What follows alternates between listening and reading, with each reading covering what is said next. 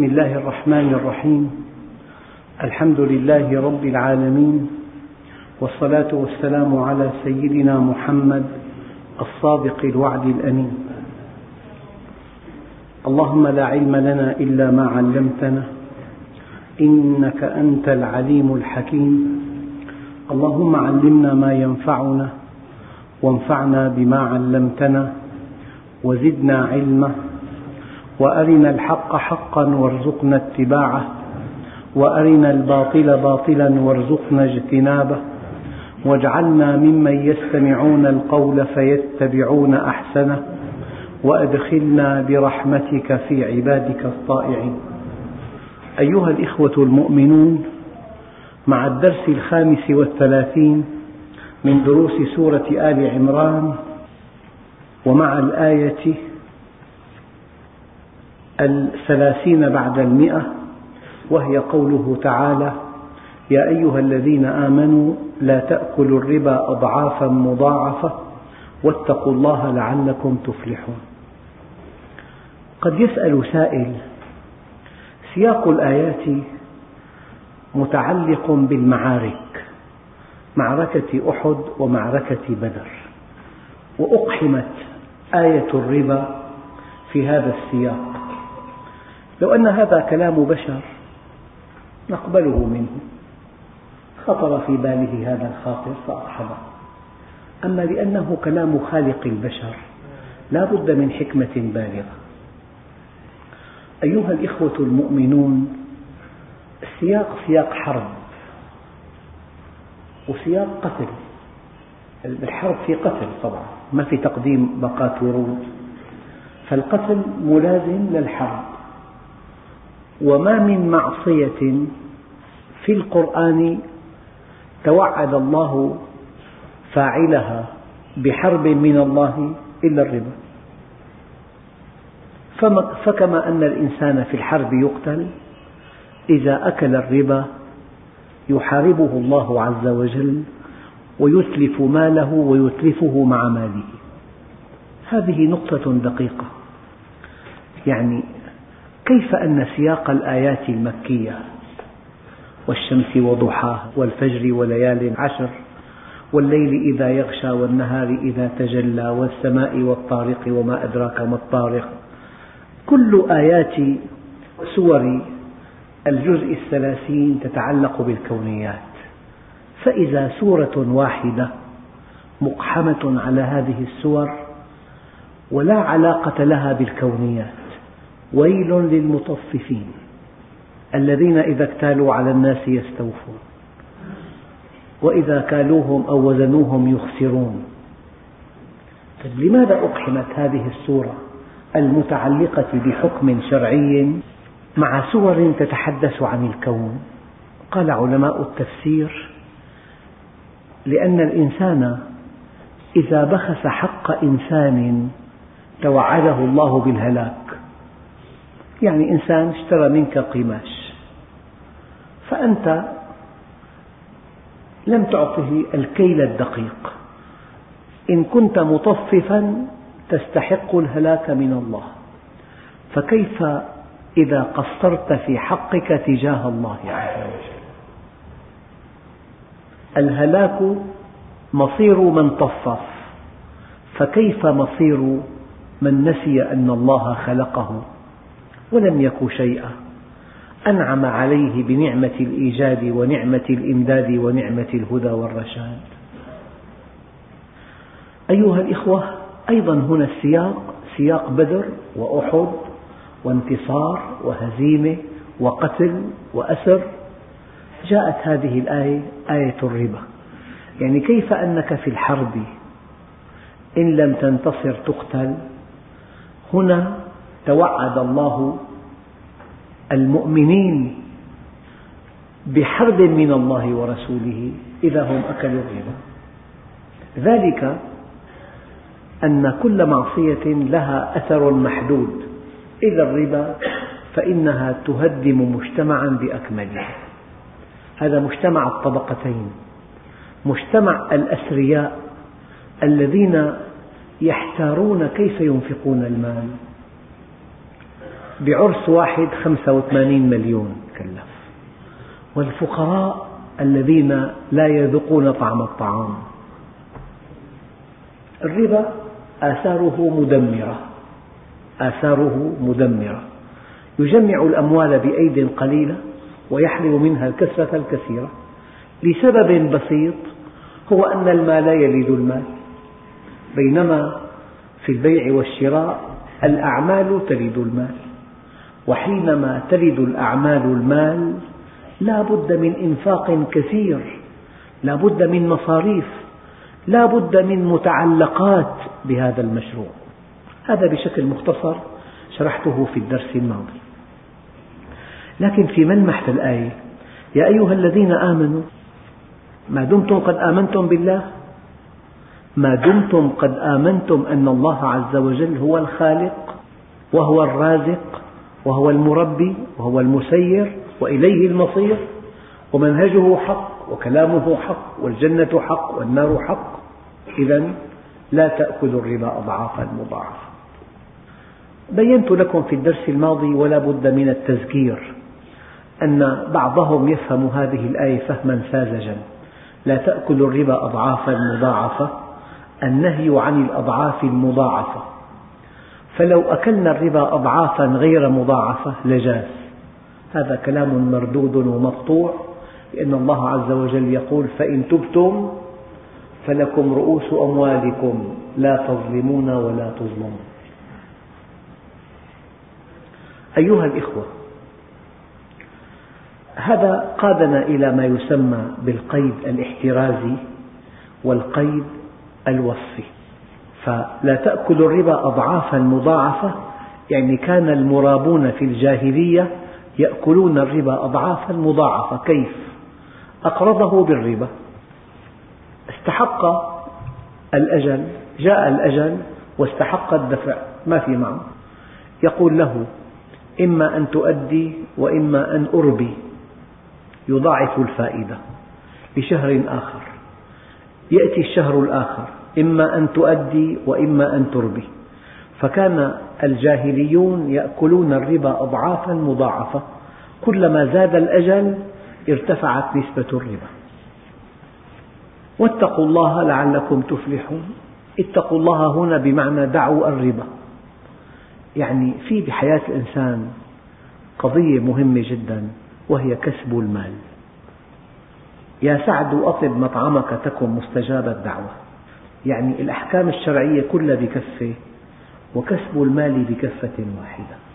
إنه إن طاب دخلك استجيبت دعوتك. إنه إن طاب دخلك بارك الله لك بمالك. بارك الله لك بأولادك. بارك الله لك بزوجتك. بارك الله لك بدخلك. إن طاب دخلك معنى أطب مطعمك. يعني أنت تشتري طعاما بثمن كسبته من كد يمينك وعرق جبينك. واتقوا النار التي أعدت للكافرين أي أن النار مصير من أكل الربا وكفر بهذا الأمر. أخواننا الكرام في عنا كفر يخرج من الملة. صاحبه كافر. وفي عنا كفر دون كفر. يعني أمر لم تنفذه وأنت متوهم أن هذا الأمر غير معقول. هذا نوع من الكفر.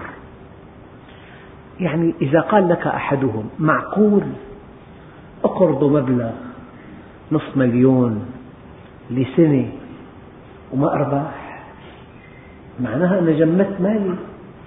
هذا المال الجمد لو أنني استثمرته في منشأة لعاد علي بالربح. أنت حينما تحكم عقلك فيما قطع الله به فهذا نوع من الكفر. ذلك بأنهم كفروا بالله ورسوله ولا يأتون الصلاة إلا وهم كسالى ولا ينفقون إلا وهم كارهون. معناها الكفر ألا تعظم أمر الله عز وجل. ألا تراه أمرا من عند خالق الكون. علة أي أمر أنه أمر. واتقوا النار التي أعدت للكافرين. كنت أقول لكم دائما أن الحقيقة المرة أفضل ألف مرة من الوهم المريح. يعني المسلمون يؤدون شعائر الدين. يصلون يصومون يتصدقون. اسمعوا. يؤتى بأناس يوم القيامة لهم أعمال كجبال تهامة. أعمال كبيرة جدا. فيجعلها الله هباء منثورا. قيل يا رسول الله جلهم لنا. قال إنهم يصلون كما تصلون. ويأخذون من الليل كما تأخذون. ولكنهم إذا خلوا بمحارم الله انتهكوها إذا أعمالهم أصبحت هباء منثورا. في موقف آخر. حينما سأل النبي أصحابه رضوان الله عليهم سألهم من المفلس؟ قالوا بحسب العرف من لا درهم له ولا متاع؟ قال لا. المفلس من أتى بصلاة وصيام وصدقة وقد أكل مال هذا وضرب هذا وشتم هذا وقتل هذا فيأخذ هذا من حسناته وهذا من حسناته فإذا فنيت حسناته طرحوا عليه سيئاتهم حتى يطرح في النار. معناها في معاملات وفي عبادات في عبادات شعائرية وفي عبادات تعاملية. والعبادات الشعائرية لا تصح ولا تقبل إلا بالعبادات التعاملية. لذلك ترك دانق من حرام أي سدس الدرهم خير من ثمانين حجة بعد الإسلام. لذلك لما سيدنا ابن عباس رأى رجلا كئيبا فسأله ما لي أراك كئيبا قال ديون لزمتني ما أطيق سدادها قال لمن؟ قال لفلان قال أتحب أن أكلمه لك؟ قال إذا شئت إذا شئت فقام من معتكفه فقال له أحدهم يا ابن عباس أنسيت أنك معتكف؟ قال لا ولكنني سمعت صاحب هذا القبر والعهد به قريب ودمعت عيناه. والله لأن أمشي مع أخ في حاجته خير لي من صيام شهر واعتكافه في مسجد هذا. حقيقة الدين ترك الحرام وفعل الخيرات. هذه هي حقيقة الدين. وهذا الراعي الذي امتحنه سيدنا عمر قال له بعني هذه الشاة وخذ ثمنها قال ليست لي قال له قل لصاحبها ماتت. قال ليست لي قال له خذ ثمنها. قال والله إنني لفي أشد الحاجة إلى ثمنها. ولو قلت لصاحبها ماتت أو أكلها الذئب لصدقني فإني عنده صادق أمين ولكن أين الله؟ تضع يدك على حقيقة الدين حينما تدع المال الحرام. وتضع يدك على حقيقة الدين حينما تعمل صالحا ابتغاء مرضات الله. هذه حقيقة الدين. أما يعني الصلاة منشطة وترفع شأنك عند الناس. وهذه العبادات الشعائرية والحج ترجع زينة والحاج فلان الله ينفعنا ببركته وادعوا لنا سيدي أنتم كنتوا بالحج. شغلة فيها وجاهة. العبادات الشعائرية لا تصح ولا تقبل إن لم تصح العبادات التعاملية. أعيد وأكرر. ترك دانق من حرام خير من ثمانين حجة بعد الإسلام. يا أيها الذين آمنوا يعني يا من آمنتم بالله يا, أيها الذين آمنوا لا تأكلوا الربا أضعافا مضاعفة. لا تأكلوا الربا وكان الجاهليون يأكلونه أضعافا مضاعفة. النهي هنا عن كل الربا. وعن جنس الربا. نعم. واتقوا الله يعني أطيعوا الله في ترك الربا. لعلكم تفلحون. واتقوا النار التي أعدت للكافرين. هؤلاء الذين كفروا بهذا الحكم وقالوا لا بد من أن نستثمر أموالنا ولا يمكن أن نجمد هذه الأموال فنقرضها قرضا حسنا. طبعا الآن إذا كان هذا الربا محرم تحريما واضحا صارخا في الشرع هناك آلاف الأساليب التي يحتال بها الناس على أكل الربا. الأساليب بالآلاف. يعني نقدم لك بيتا تسكنه بلا مقابل على أن تجعل عندنا مبلغا من المال. نحن نستثمره. فإذا خرجت من البيت أعطيناك المبلغ. تدخل شريكا في بيت. تأخذ أجرته. وأنت في الحقيقة تأخذ فائدة على هذا القرض. مبلغك مضمون بالتمام والكمال بعد سنتين. ما دام في ضمان صارت هذه الأجرة نوعا من الربا. وضعت مالك في الاستثمار بربح ثابت. قد يقول هذا المستثمر البسيط أنه تاجر صالح 18 حجة حاجج وما بيحب يفوت بمتاهات الحسابات بيعطي على الألف كذا أريح لي يقعد حاسبه ويعمل جرد ما لي مصلحة هذا ربا كمان. يعني الربا الصارخ واضح قرض ربوي. في ألف أسلوب للربا بشكل ملتوي. ببعض البلاد الإسلامية في عشرة أكياس رز يمكن عمرهم شي عشرين سنة. بيجي إنسان يشتري هالعشرة أكياس فرضا بعشرة آلاف يشتريهم دينا ثم يبيعهم نقدا لصاحب الأكياس. مثلا ب 8000 الذي حصل أن صاحب المتجر دفع 8000 قبضهم بعد حين 10000 هذا بيع العينة ربا محقق. فهذا ربا ومشاركة في بيت وأخذ أجرة مبلغك مضمون ربا. وتعمل مثلا بيع سلم تشتري الصوفات فرضا بربع قيمتهم لست أشهر الآن كيلو الصوف حقه 100 ليرة تشتري ب 20 ليرة لست أشهر أنت أخذت قرض ربوي كبير جدا الراعي بحاجة إلى علف لغنمه. ما في معه علف والغنم يكاد يموت. ببيع الصوفات بخمس قيمة الصوف بقرض لستة أشهر. هو اسمه سلم الصورة بيع سلم هو ربا. لذلك من دخل السوق دون أن يتفقه أكل الربا شاء أم أبى. وأخطر شيء بحياة الرجل موضوع كسب المال. المرأة دين سهل. إذا صلت خمسها وصامت شهرها وحفظت نفسها وأطاعت زوجها دخلت جنة ربها. أما في مزالق بكسب المال لا تعد ولا تحصى.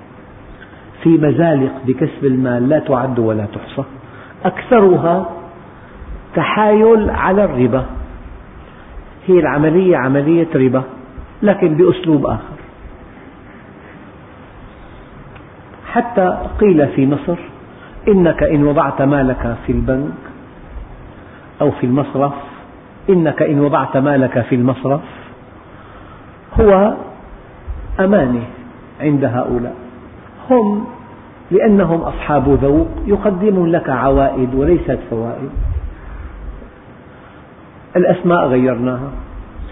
ممكن نغير الاسم نغير الشكل نغير الصيغة نغير الطريقة. الربا ربا بأي اسم وبأي طريق. يا أيها الذين آمنوا لا تأكلوا الربا أضعافا مضاعفة واتقوا الله لعلكم تفلحون واتقوا النار التي أعدت للكافرين. وأطيعوا الله والرسول لعلكم ترحمون. رحمة الله مطلق عطائه. رحمة الله يصعب تفسيرها تبدأ من الصحة وتنتهي بالجنة. تبدأ من التوفيق. تبدأ من راحة البال. تبدأ من الشعور بالأمن. تبدأ من الشعور بالسكينة. تبدأ من حسن السمعة بين الناس. تبدأ من القناعة. تبدأ من الرضا عن الله عز وجل.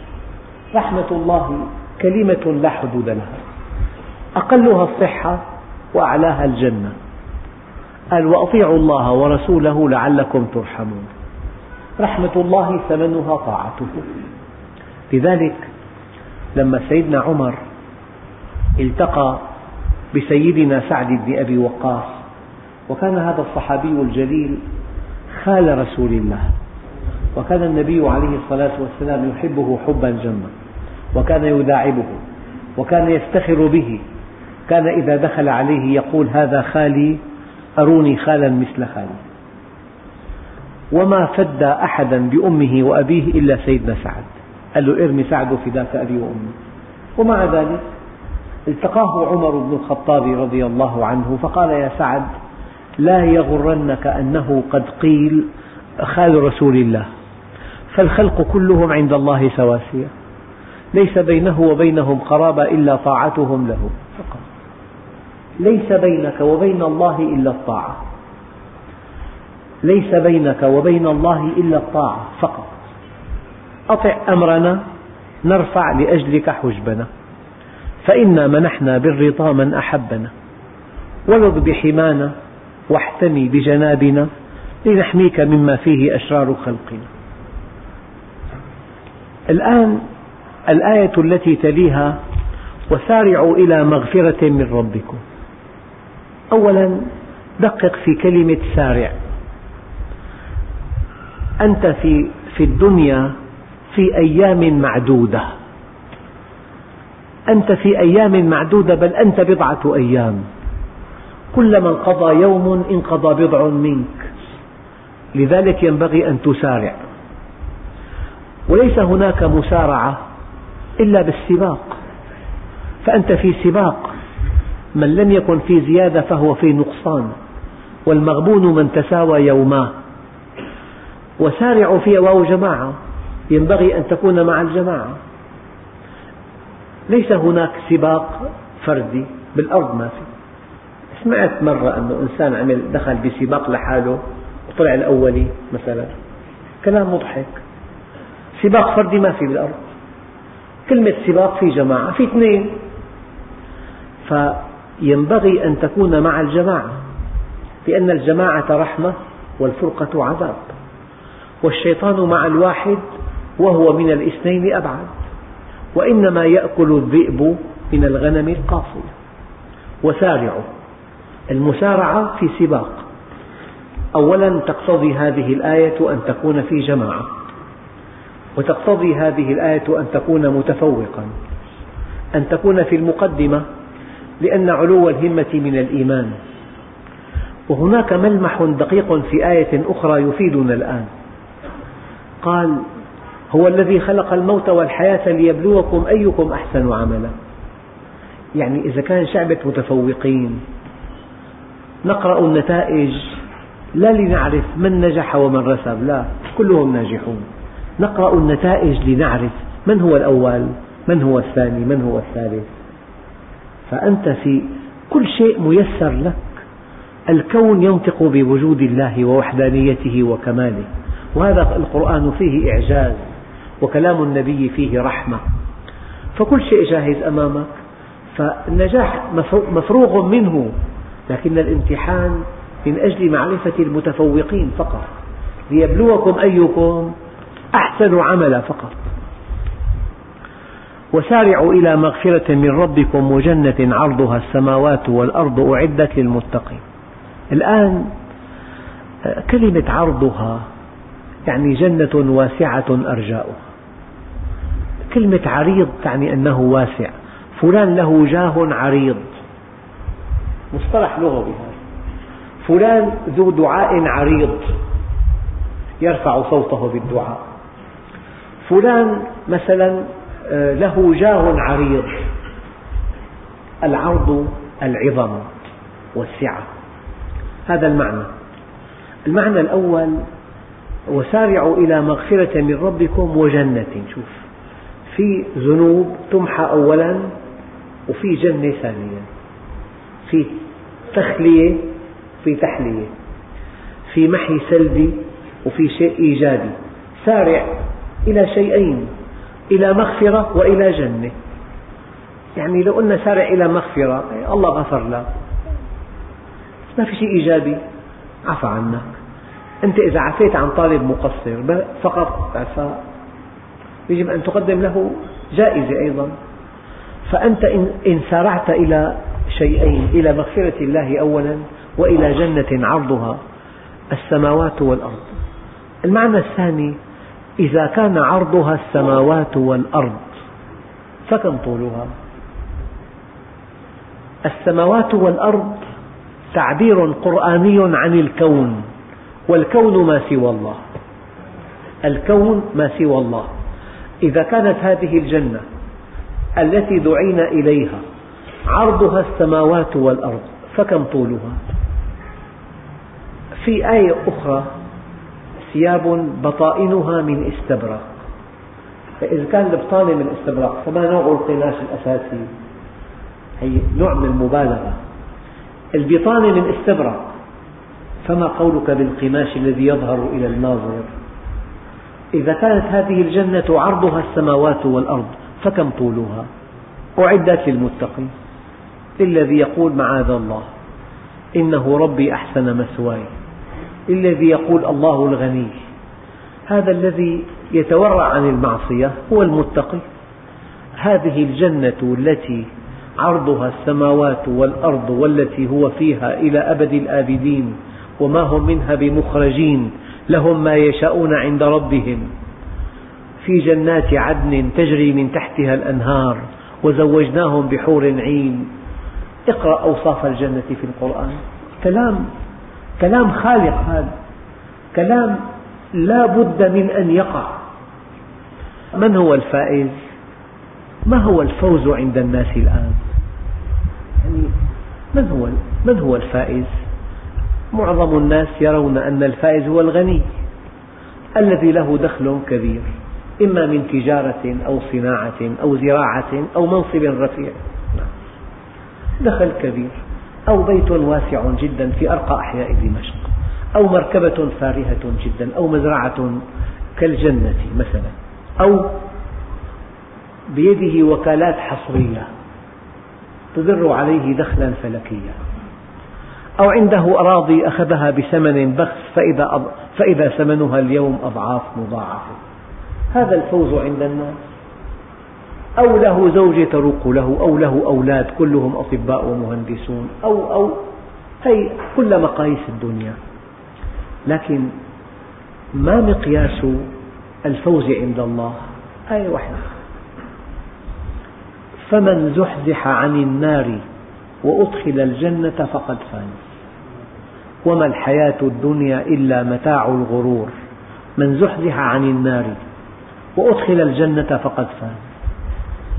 الزحزحة هذا فعل ثنائي مضعف مثل قلقل ودمدم وعسعس ودندن وزلزل هو أساسه زلة زلة وزلة زلزلة. يسموه علماء اللغة ثنائي مضعف هذا يفيد الحركة. يعني جهنم كل ما في الدنيا يدعو إلى جهنم. نساء كاسيات عاريات الدنيا خضرة نضرة مالها يغري ونساؤها تغري وقصورها تغري ومركباتها تغري وتجارتها تغري إنها ترقص للناس. الناس قد يفتتنوا بها. هلا إذا واحد أخذ مثلا تأشيرة الدخول إلى أمريكا؟ كأنه حج. الله يطعم لك المشتهي بيقول لك مثلا قيم الناس قدر يأخذ فيزا أو تأشيرة خروج إلى أمريكا أو إلى أوروبا مثلا أو تمكن من تجارة ناجحة. لكن بالقرآن فمن زحزح عن النار وأدخل الجنة فقد فاز. وما الحياة الدنيا إلا متاع الغرور. هذا المؤمن. المؤمن مصدق.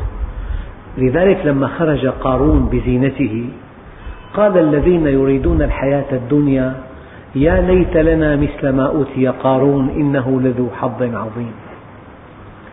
قال الذين أوتوا العلم ويلكم ثواب الله خير لمن آمن وعمل صالحا. يعني بشكل مبسط ماشي على طريق مستوي ثم وجدت طريقين. طريق هابطة معبدة فيها ورود ورياحين وأشجار. أنت راكب دراجة والطريق الآخر صاعدة. فيها حفر وأكمات وغبار.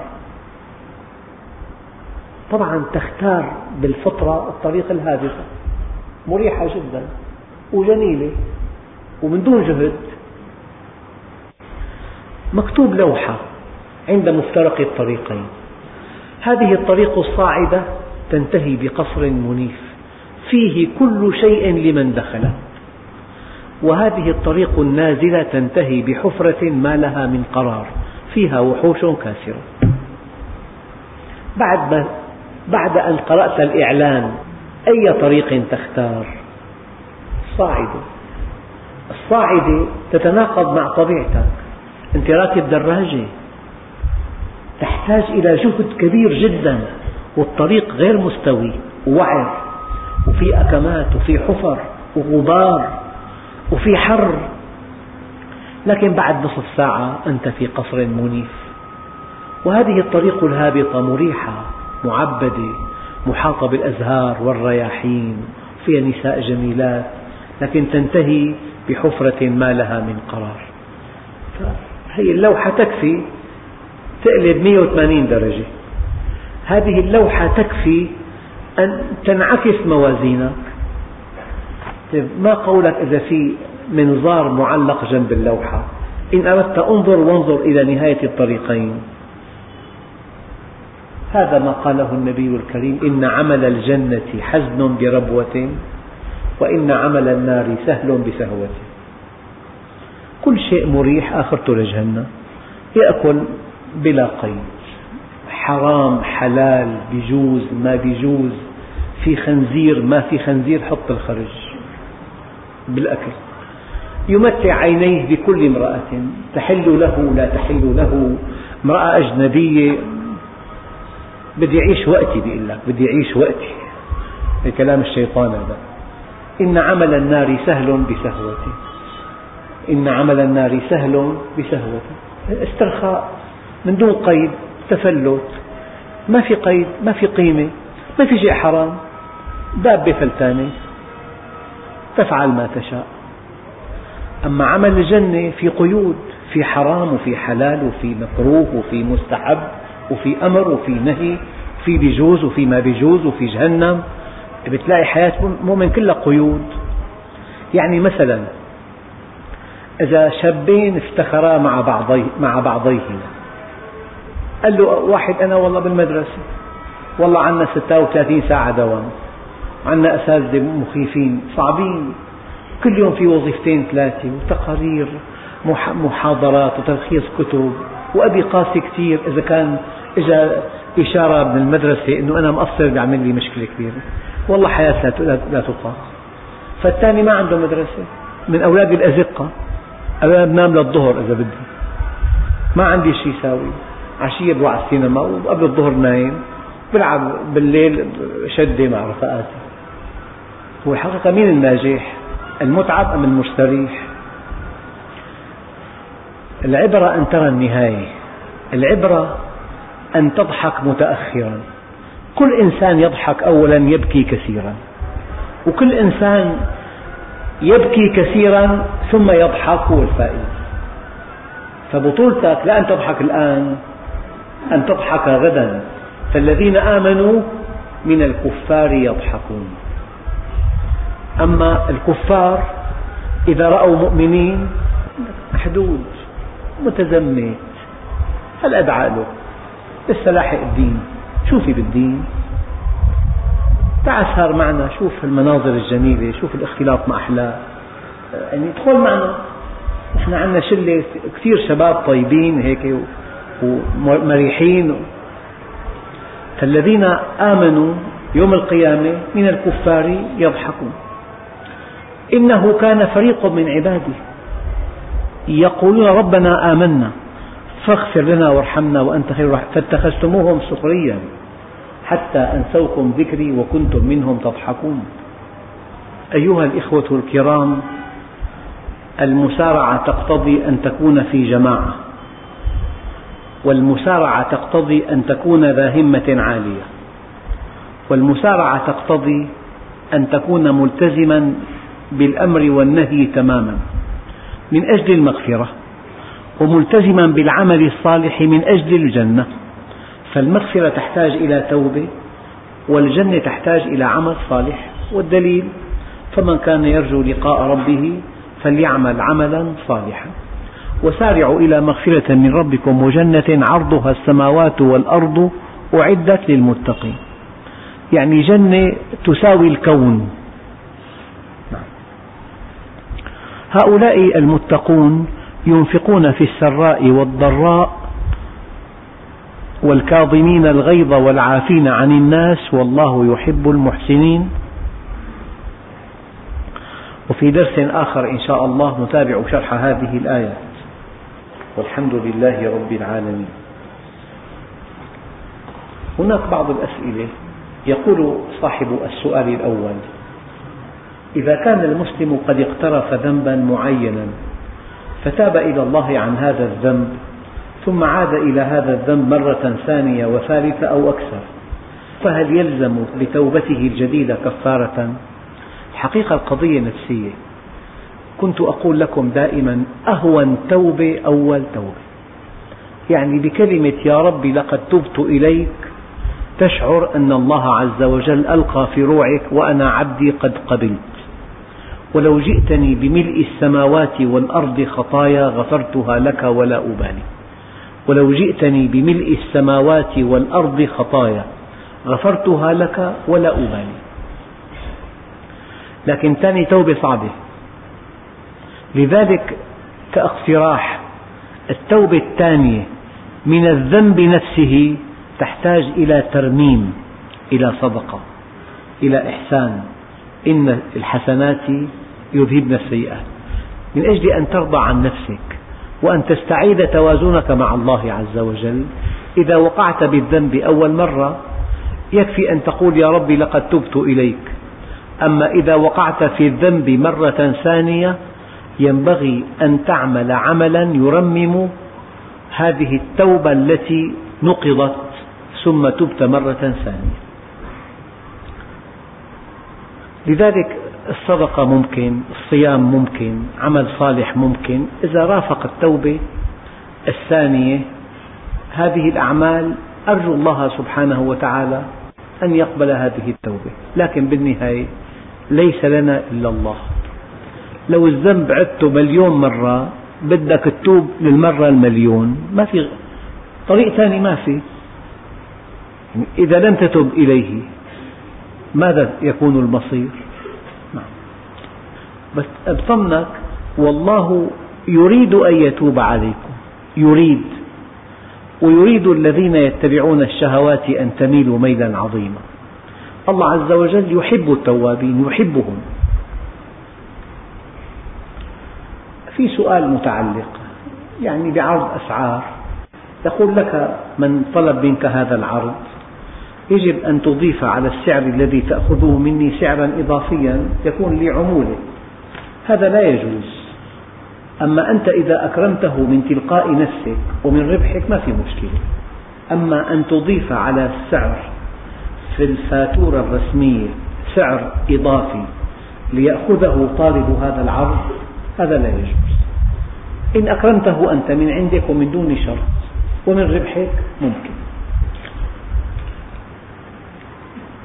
هل يجوز أن تعمل على قد الأجرة؟ الجواب لا يجوز. يعني أنت معلم عندك 35 طفل بين إيديك والمعاش ما عم يكفيك.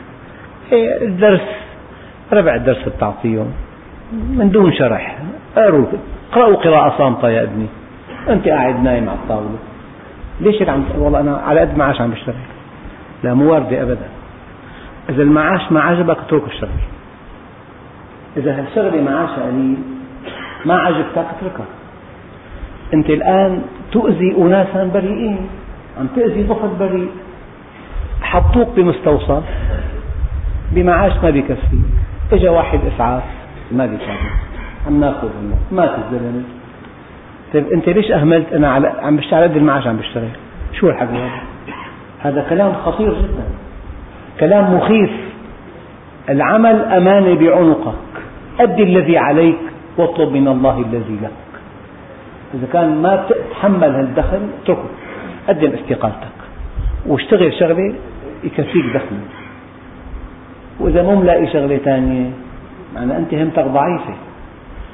لذلك قالوا من يتأفف من عمله دققوا في هذه الكلمة لا يصلح لأي عمل آخر. في إنسان نمطه نقاء بتم بنق وين ما بتحطه بيقول لك ما بكفي المعاش وبكفي ومتعبة الشغلة وبدي أخلص منها والله خلصني منها الذي يتأفف من عمله لا يصلح لأي عمل آخر. أحيانا الله عز وجل يبارك لك في هذا الدخل القليل ببركة. يعفيك من المرض والأدوية والتحليل والتصوير والإيكو والمرنان. يعفيك من كثير. أحيانا تلاقي حالك الدخل ما بيكفي لكن الله مبارك لك. يجب أن نؤمن بالبركة. أنت أدي عملك بإتقان والله عز وجل لا ينساك من فضله. هذا المؤمن أما اشتغل على قدر الراتب والعياذ بالله هذه فرية إذا بدأت تنتهي حياتنا. عندك 35 طفل مثل الوردة كل واحد جاي يتعلم ما بعلمه المعاش ما عم يكفي. كثير في مدرسين لا بيصحح وظيفة لا بيسأل طالب لا بيشاهد وظيفة اقرأوا اقرأ أنت بقراءة الدرس اطلعوا ما تعلموا شيء فأنت بتحط ابنك يطلع ما بتعلم شيء طيب شو الحل؟ ما في حل ثاني. ابنك في مدرسة رسمية. فالمعلم إيمانه ضعيف عم يشتغل على قد المعاش. هي مو واردة أبدا. أنا بعدها يعني نوع خرق في الاستقامة وخيانة لما, لما عليه. أنت كمؤمن ابذل كامل جهدك واطلب من الله الأجر في الآخرة. وإذا ما ما لقيت شغلة غيرها شو بدك تساوي؟ شو هو؟ هذا الصبر.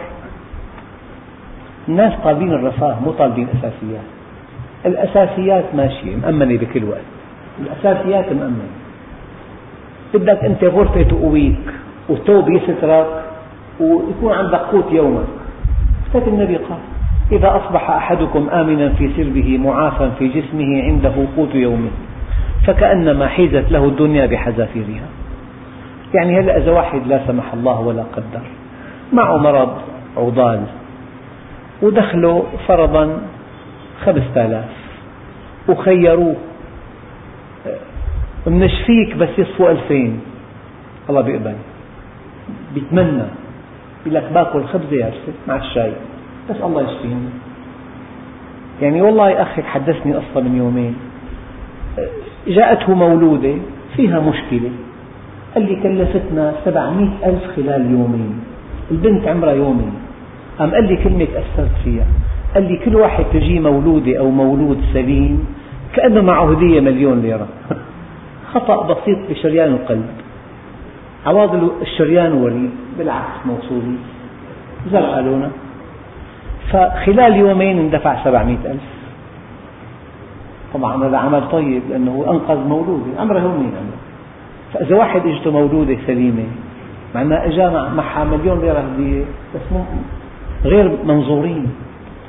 فالله إذا الله عافى لك أولادك وزوجتك أعطاك صحة أعطاك سمعة طيبة وعندك شيء تعيشه فكأنما حيزت لك الدنيا بحذافيرها ابتعد عن الحرام. ولو كان مغري وسهل. واحد قال اقترض بالبنك قرض ثم تاب. يا الله قال فإن تبتم فلكم رؤوس أموالكم لا تظلمون ولا تظلمون. المقترض يعني إذا كان هو أودع بالبنك وأخذ فائدة يجب أن يتبرأ منها وأن ينفقها في وجوه الخير وألا تدخل إليه إطلاقا.